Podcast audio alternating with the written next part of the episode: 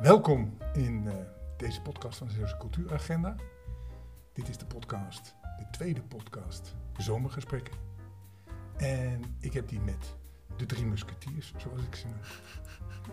Joyce Pijnenburg, Anne de Bruiker en Marloes Matthijssen. Die mij een keer zeiden uh, dat ze elkaar eerder hadden moeten ontmoeten. Marloes, Ja. jullie hadden elkaar eerder moeten ontmoeten. Wanneer hebben jullie elkaar ontmoet? Dat is een lastige vraag, want ik ben heel slecht in data. Ehm, ehm, ik ken jou van de kunstbende eigenlijk stiekem. Oh, echt? eh, uit Goes. En toen won ik niet en jij wel. Oh. En toen waren we denk ik 18 of zo. Dus dat is echt al heel lang geleden.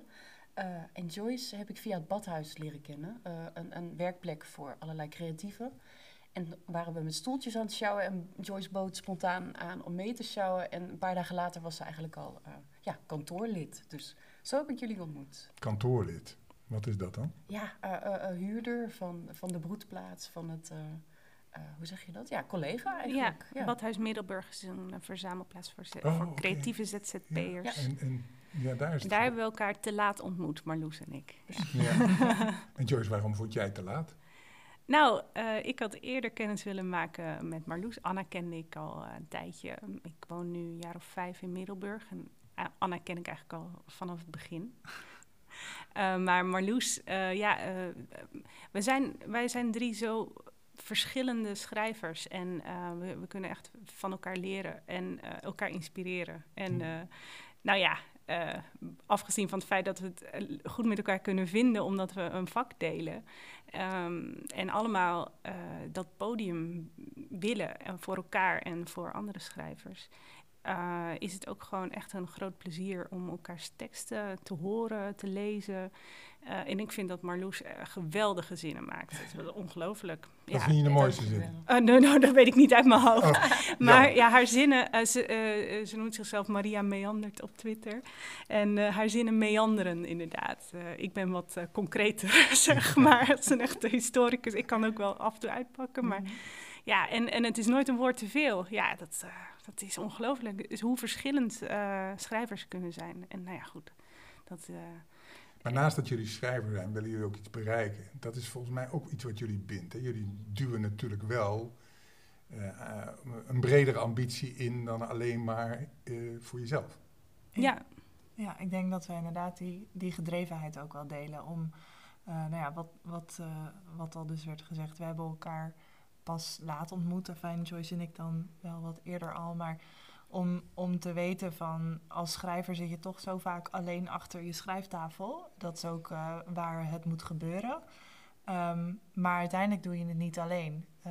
En je bent uiteindelijk altijd bezig om te bouwen op eh, de voedingsbodem die je buiten je schrijftafel hebt, hebt leren kennen alvast. Ehm, en die voedingsbodem voor mij alleszins, ik weet niet hoe dat voor jullie zit, maar zit ook echt in hm. eh, eh, praten met andere schrijvers en natuurlijk gewoon heel veel lezen van andere schrijvers. Hm. Ja. Het is niet alleen het schrijven, het is ook het cultuurklimaat waar jullie... Hè, als ik dan... Want eh, even, in- even introduceren. Jullie doen een paar dingen echt gemeenschappelijk. En jullie hebben nu net, denk ik, een boost gekregen met een eh, extra subsidie van de Bayard. Anna, wat is de Bayard? Eh, de Bayard, eh, we noemen het vaak een, een reizend gasthuis voor de Zeeuwse letteren in brede zin. Eh, en dat is alleszins hoe ik het vaak zeg als presentator van de Kraamkamer. We hebben een Dat is het aantal open programma's. Ja, precies. De Kraamkamer is het open podium dan van de. Eh, en dat is dus ook echt het reizende stuk, omdat de Kraamkamer neerstrijkt op verschillende plekken. Tot nu toe in Middelburg, in Vlissingen en Kortgene. Ja, Ja. volgend jaar Soeslaan. Ja, ja precies. Eh, en ja, dat is dus een plek waar schrijvers elkaar ontmoeten. Enfin, we hebben ook nog andere programma's natuurlijk. Maar Ja, en reizend door Zeeland. En voor mij is dat ook een belangrijk aspect. Want je hoort altijd, als je het wil maken als schrijver, moet je in Amsterdam zitten, in dat ene café waar Ja. je dan al die literaire mensen zou ontmoeten. Maar dat hoeft helemaal niet. Dat kan ook gewoon hier. Als je met z'n allen die inspiratie kan vinden en die goede gesprekken kan hebben, dan bloeit er ook van alles op. Maar je moet elkaar wel kennen. Ja. En jullie zijn echt allemaal uit Zeeland. Ja. Hè? Ik ben een Brabo, ik ben zo'n zebra. Die dan, Je bent een eh, Ja. Ik maar, als je- maar als jij aan, de- aan de kunstbende meedeed, was je natuurlijk al vroeg Ja, naar, het, ik- eh, ja, naar het zeetje gegaan. Ik, ben nu, ik heb het omslagpunt bereikt dat je langer in Zeeland woont dan in Brabant, inderdaad. Mhm. Dus, Ja. eh, Kunstbende Goes was het inderdaad. Ja, in het beest. ja, Was heel leuk. dat is natuurlijk ook wel, dat, dat vind ik zelf, eh, ik ben ook niet van oorsprong een Zeeuw, maar eh, wat ik in Zeeland altijd wel leuk vond, is dat je, ook, dat je inderdaad aan de ene kant hebt van, hé hey, luister, het hoeft niet allemaal in Amsterdam te gebeuren. En dat je aan de andere kant elkaar moet opzoeken om er wat van te maken. Ja, precies. En, eh, en dat is dus een belangrijk kenmerk van jullie, dat Ja. je elkaar opzoekt, dat je anderen opzoekt en dat je daar gemeenschappelijk iets van maakt. Ja, maar we willen dan vanuit de Bijert ook eh, beginnende en gevorderde schrijvers aan elkaar koppelen. Eh, en steeds weer met als uitgangspunt dat je het inderdaad, zoals Anne zei, eh, schrijven doe je niet alleen. Dus ehm, dat, dat staat voor ehm, het, het lezen van elkaar. Ehm, Door veel te lezen leer je ook beter schrijven. Maar ook voor de context. Je deelt een taal. Je deelt in dit geval een provincie. En daar zitten gedeelde herinneringen in, gedeelde eh, gebeurtenissen in de omgeving. Een context, een, een, een, nou niet zozeer een Zeeuwse taal, maar wel een, een Zeeuwse cultuur. Ja, En eh, en ja, een uit, Zeeuwse natuur en een Zeeuwse omgeving. ja, dat precies. En, en, Tegenwind, bijvoorbeeld. ja, Altijd. ja, ja, dat Ja. platteland, die open hemel. ja.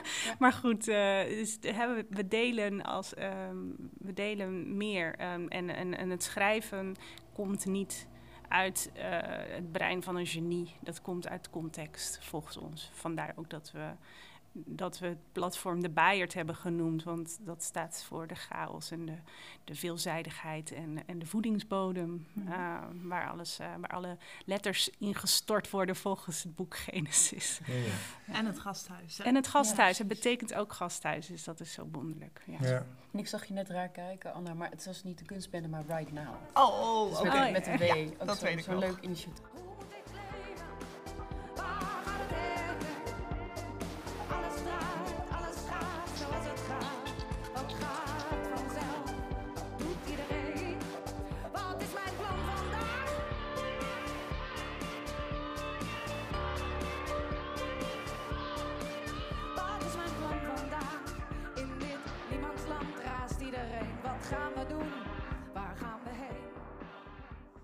Zullen onze luisteraars iets eh, laten horen?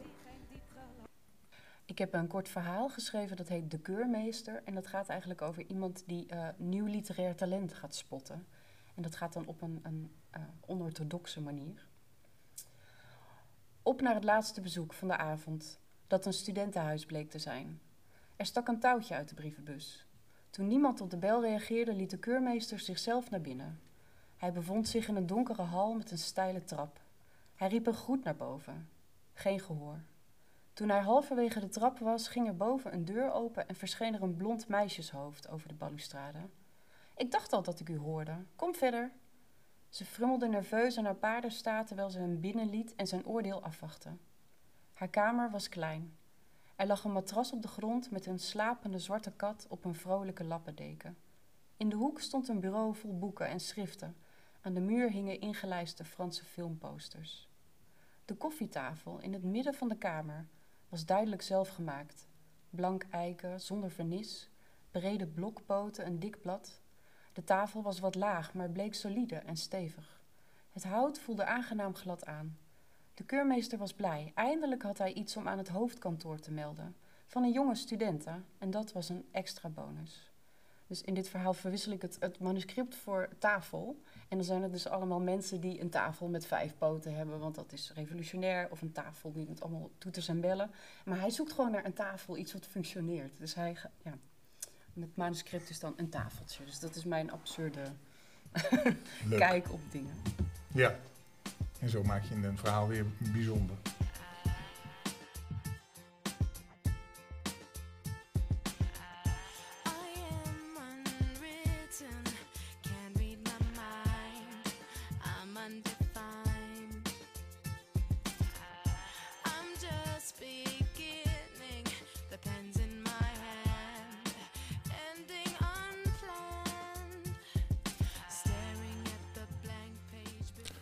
Schrijvers hebben dromen. Maar hoe begin je met schrijven? Wanneer begin je met schrijven? We vervolgen ons gesprek. Jullie zijn er al toch allemaal al 20 jaar mee bezig, denk ik. Ja, Lang Ja. langer. 30. Ja. 30 jaar mee bezig. Ja. En kan je nog herinneren hoe dat begon? Dat is voor mij altijd boeiend om te zeggen. Van, Voor mij was het ehm, een manier om te ontsnappen. Ehm, ik, ik kon al heel vroeg lezen, ik denk op mijn vierde, vijfde. En ik was in mijn eh, jeugd ook heel ziek, dus ik lag vaak in het ziekenhuis. En dan was het altijd heel fijn als de mevrouw met het boekenkarretje langskwam. Want dan hoefde je even niet meer in je bed te liggen en dan kon je ontsnappen. En dan kon je mee met Roald Dahl of je kon gaan bergbeklimmen. Dus ik, ik las heel graag. En op een gegeven moment ga je dan toch ook proberen, hey, kan ik dat ook? Omdat het zo'n machtig gevoel is. En dan begin je dus bijvoorbeeld met stripverhalen of dat je ehm, blaadjes aan elkaar niet en, en er was is echt letterlijk opschrijft en dan gaat fantaseren. Dus voor mij was het een, ja, een manier om te ontsnappen aan ziek zijn en aan eh, ja, alleen zijn ook en jezelf vervelen. mhm. Dus voor mij, ik, ja, ik, ik voelde het nog heel erg dat je blaadjes aan elkaar niet en dan heb je een boek. Gewoon zo simpel kan het zijn. Ja, ja. En bij jullie? Joyce? Ook ontsnappen? Ehm, ja, het lezen van fictie wel. Uh, ik las vroeger heel veel, als kind ook. Ehm, ik was ook naastig op zoek naar eh, een, een soort van anker, een soort van gevoel van dit is de waarheid en werkelijkheid. En eh, in ieder geval eh, hoopte ik dat onbewust, denk ik, in boeken te vinden. Maar het was ook ja, ehm, ontsnappen aan alle dag, inderdaad. Ehm, meegesleept worden door de kracht van verhalen. En ja, nou ja, dat als kind. En eh, later, nou ja, ik was nog steeds een kind, ontdekte ik de filosofie on- ongeveer op mijn dertiende. Ehm, in brede zin kun je natuurlijk de filosofie ook tot de literatuur rekenen. Dat Ja. doen we althans bij de Bijert wel. En ehm, ja, ben ik me daarin meer in gaan verdiepen.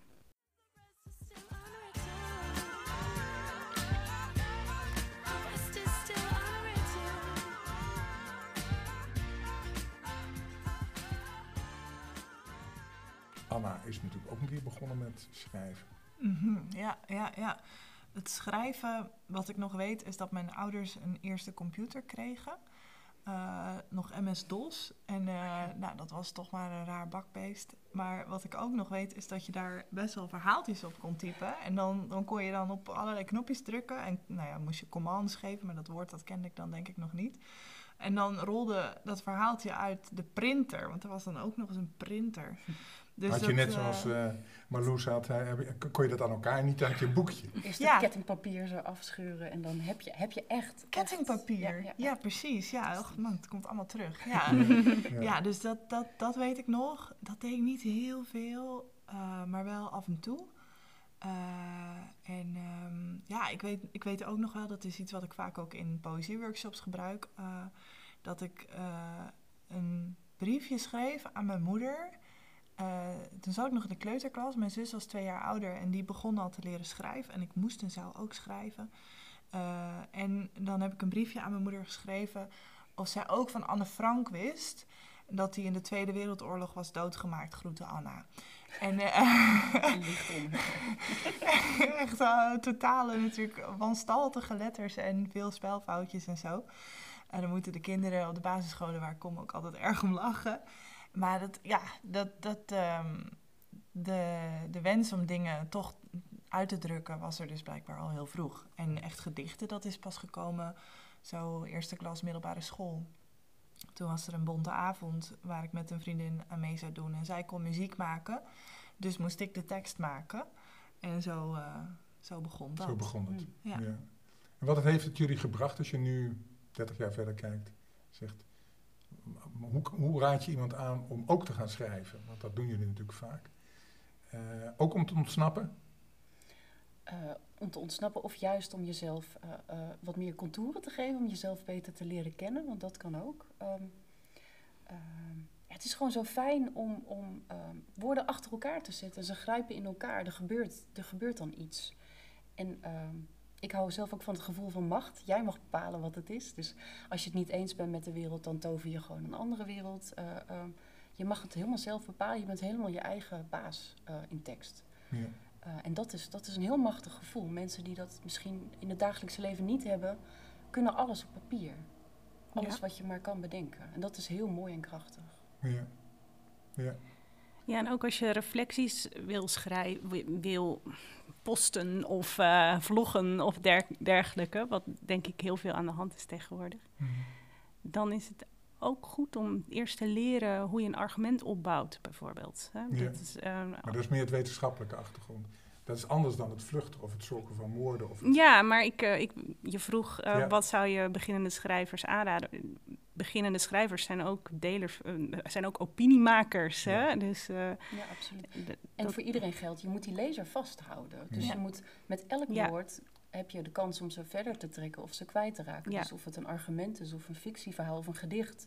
eh, je wil iemand het bij je houden via woorden. En dat, Mhm. dat is iets wat je kan leren. Je leert het van elkaar, je leert Ja. het door te doen, je leert het misschien in cursussen.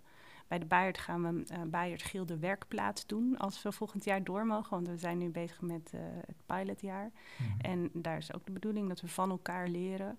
In alle genres, waaronder dus inderdaad ook non-fictie. ehm, hoe, je, hoe je dat bewerkstelligt. Hoe je een eh, lezer of een luisteraar meekrijgt. Ja. Onder andere, hè? Ja. Ja, dus het vasthouden van de luisteraar is een belangrijk ding. Wat ik ook bij jullie heel erg hoor is eigenlijk het, het vastpakken van woorden en daar een soort van hè, oersoep, eh, kraamkamer, eh, de baaierd. Ja, ja. Het zijn allemaal termen waar ik onmiddellijk een beeld bij krijg. Waar ik het gevoel van heb, waar hou je het woord? Ik ken het woord wel ergens van, van, van vroeger of van ergens. Maar ik weet het niet precies, maar het geeft wel een soort sfeer. En als jij dan zegt bijvoorbeeld dat Marloes meandert door Twitter, dan eh, dat, dat, dat, dat is natuurlijk een manier van dat woord pakken, waar ik dus onmiddellijk denk van, oh ik loop langs de oever eh, eh, rustig mee. Het is in ieder geval rustig, hè? Ja. Het is niet zo, recht toe, recht aan, opgewonden, dat soort dus, eh, dus het geeft. En, en wat ik grappig vind in, in de woorden die ik jullie alle drie hoor gebruik, eh, gebruiken, is eigenlijk dat je probeert in één woord al gelijk een, een sfeertje te pakken. Ja, ja hoe, hoe, hoe algemener je woorden zijn, hoe minder je ermee vertelt. Terwijl juist met woorden met kleur en woorden die een bepaalde beweging aanduiden of een bepaalde, inderdaad aan een bepaalde context zijn verbonden, zoals kraamkamer of oersoep. Dat zijn dingen die meteen tot de verbeelding spreken. Ja. Ehm, die ook uit je verbeelding komen, denk ik, maar die ook bij, bij degene die ze hoort of die ze leest ook dat knopje aanzet. En, en dat is denk ik ook gewoon de magie van de verhalen die we elkaar vertellen. Dat we elkaar nou ja, meenemen, niet alleen maar. eh, eh, ja, meenemen kan natuurlijk echt een marketingkwestie zijn of, of hè, aandacht vasthouden, maar het is ook een kwestie van samen zijn. Ja, betoveren ook. Ja, Ja. Want ja. er is zoveel saaie taal of ambtelijke taal. Of, of dan, dan is alle Loze eh, taal ja, ook. lol eruit ge- ge- geschrapt om, om het maar functioneel te laten zijn. Maar taal is, is, taal is leven. Ja. Dat loze taal is ook wel een punt. Hè? Natuurlijk mensen die Ja. bouwen elkaar na. hè. Ja, En absoluut. ze, ze herhalen alleen maar wat ze. Ja. En dan nog In de eindeloos ook. Ja, Ja, we hebben, we Ja. hebben macht met ons taalgebruik. Macht ook over de toekomst van de taal. En, over, eh, en misschien een beetje invloed op, eh, op de toekomst ervan. En dus als je dit soort woorden gebruikt, dan zorg je er een klein beetje eh, voor dat, dat de taaltoekomst er wat vrolijker uitziet weer, denk Ja. ik. ja. En heb je het dan inderdaad over een bergtop of een vluchteling? Of heb je het over eh, iets, iets heel anders? Je, je mag kiezen waar je het over hebt. Ja, je mag jouw woorden Ja. daar aangeven. En ja, je kan het over belangrijke dingen hebben. Mooie dingen. Er, er is zoveel wat je kan met taal. Hmm. En dat vergeten mensen vaak, omdat ze die schoolse benadering vaak ook hebben. En je moet verplicht lezen voor je lijst. En je moet verplicht eh, je D's en T's goed. Maar er Ja. kan zoveel meer. Terwijl die verhalen die wij eh, lazen als kinderen ons beïnvloed hebben, toch? Absoluut. Dat is voor Ja. ons een bewijs, voor mij althans, dat eh, verhalen echt vormend zijn. Ja, ja en ja, wa- wat je net ook al zei, van het is, eh, het is, het is leven. Eh, en, en juist go- ja, goede taal of, of goed gekozen taal kan die levendigheid zo ontzettend intensiveren of gewoon brengen überhaupt, levendigheid brengen. Eh, en en, en ehm, ja, ja, je zintuigen gewoon aanzetten. In plaats van, we hadden het laatst ook nog over blogberichtjes die dan geschreven zijn door een copywriter die waarschijnlijk onderbetaald wordt. Of door iemand van de afdeling die dan ook wel gewoon foutloos kan spellen. Waar je gewoon niks in terug hoort. Nee. Wat Hm. gewoon een opsomming is van, van, van alle dingen die je iedereen hoort zeggen. Terwijl niemand dan meer weet wat het nou eigenlijk ook alweer betekende. Of hoe het voelde om, om, om de ervaring te hebben die zij op dat moment willen laten overkomen. Ja, dan komt het ook helemaal niet Nee. over, omdat dat leven er niet meer in zit. Ja, zoals jij toen zei in dat gesprekje over wat wij daarover hadden. Eh, de structuur eh, komt er eh, aan alle kanten uit. Oh ja, het skelet steekt er aan alle kanten Ja. door, het- door, door de Ja, huid heen. Ja, het is, schrijven is niet alleen het opvolgen van een, eh, een schemaatje van hoe een structuur, een goede structuur van een tekst eruit Nee, ziet. precies. Nee. Ja. Je moet de regels breken, maar dan moet je ze wel eerst kennen. En ook over nadenken. Ja. En ook iets willen. Mhm. En ook de, de tijd ervoor nemen. Want dat is Ja. natuurlijk ook vaak eh, Ja. eh, het punt. Dat, Ja. dat mensen iets roepen. Het lijkt ook zo makkelijk, hè? Ja. eh, het schrijven. Ja. En, en net zoals vissen, die zwemmen in water, dus die zullen dan niet doorhebben dat ze in water zwemmen. Zo zwemmen wij in taal, maar wat, wat kun je ermee? Wat, Ja. wat is het nou echt? En, Ja, dat is eh, een levenslange zoektocht, denk ik. Maar ook, het kost inderdaad tijd. Maar tegelijk, eh, Mels Hogeboom was de gast op eh, de Kraamkamer, het open podium op eh, Festival Onderstroom. mm. En Mels heeft eh, de uitdaging eh, aangenomen om 250 dagen lang elke dag vijf minuutjes te schrijven. Aan de hand van drie woorden die hij dan kreeg. Ik, natuurlijk, Mels heeft al, al ook jarenlang ervaring en zo. Maar dus ook als je eigenlijk niet veel tijd hebt. Mels heeft fantastische kleine verhaaltjes ervan Ja. gemaakt. Die, die stuk voor stuk net aanspreken. Omdat hij inmiddels de snelweg naar dat stukje levendigheid heeft gevonden. Ja. Door te oefenen, Door te door het te doen. Ja. Ja. Ook Ja. al is het maar vijf of tien minuten, inderdaad. Ja. Het, Ja. het ideaal beeld van die roma- romanschrijver, inderdaad, die dan jaren zit te zwoegen. En, en het, het kan ook sneller en anders. En, en eh, met spoken word bijvoorbeeld, of met journalistiek. Ook dat hoort er allemaal bij. En dat moet juist snel en eh, effectief. En, ja. Maar ook daar geldt natuurlijk dat een één zin kan ook heel erg lang over nagedacht zijn. Die Ja, drie zeker. woorden Absoluut. Waar je dan vijf minuten over nadenkt. Waarschijnlijk is het ook inderdaad die inspiratie. Dus het is de ervaring die die meeneemt, die die dan in één keer door die drie woorden te horen Ja. eh, binnenkrijgt. ja, absoluut. En Ja. kan delen. En Ja. gewoon doen, hè? Want niet nadenken, maar gewoon vijf minuten lang je pen over het papier laten gaan. Ja, Ja. En Ja. dan maar zien waar het, waar het toe leidt. ja. Ja. De ene keer is dat iets, iets, iets Dat is een vrij traditioneel verhaal. Hè? Eh, Je moet eh, zitvlees hebben als, eh als Nou, maar schrijver. vooral ook niet nadenken. Als ik ga Dat. nadenken over wat ik wil schrijven, dan blokkeer ik volledig. Oh ja. Eh, dan lukt het me niet. En als ik vanuit een gevoel vertrek of een, een stuk muziek of iets wat ik net heb gehoord bij de kassa en ik ga gewoon schrijven en ik censureer mezelf niet, eh, dan kom je op een andere laag.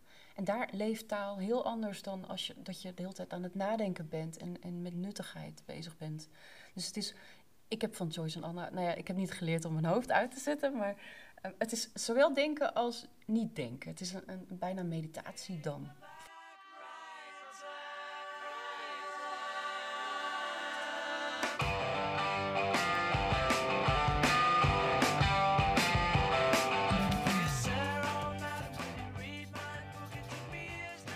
Als een gesprek interessant is, heeft het de neiging om langer te duren dan je je voorgenomen hebt. Vanuit de Zeeuwse Cultuuragenda proberen we een aflevering van een podcast niet langer te maken dan 30 minuten. In dit gesprek lukt dat niet. Daarom knippen we de aflevering in twee delen.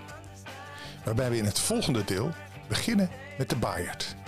Het initiatief van onze drie gasten en ook de literaire verrijking die zij brengen in het Zeeuwse cultuurpalet. Het tweede deel staat direct online, maar je kunt hem natuurlijk ook later beluisteren.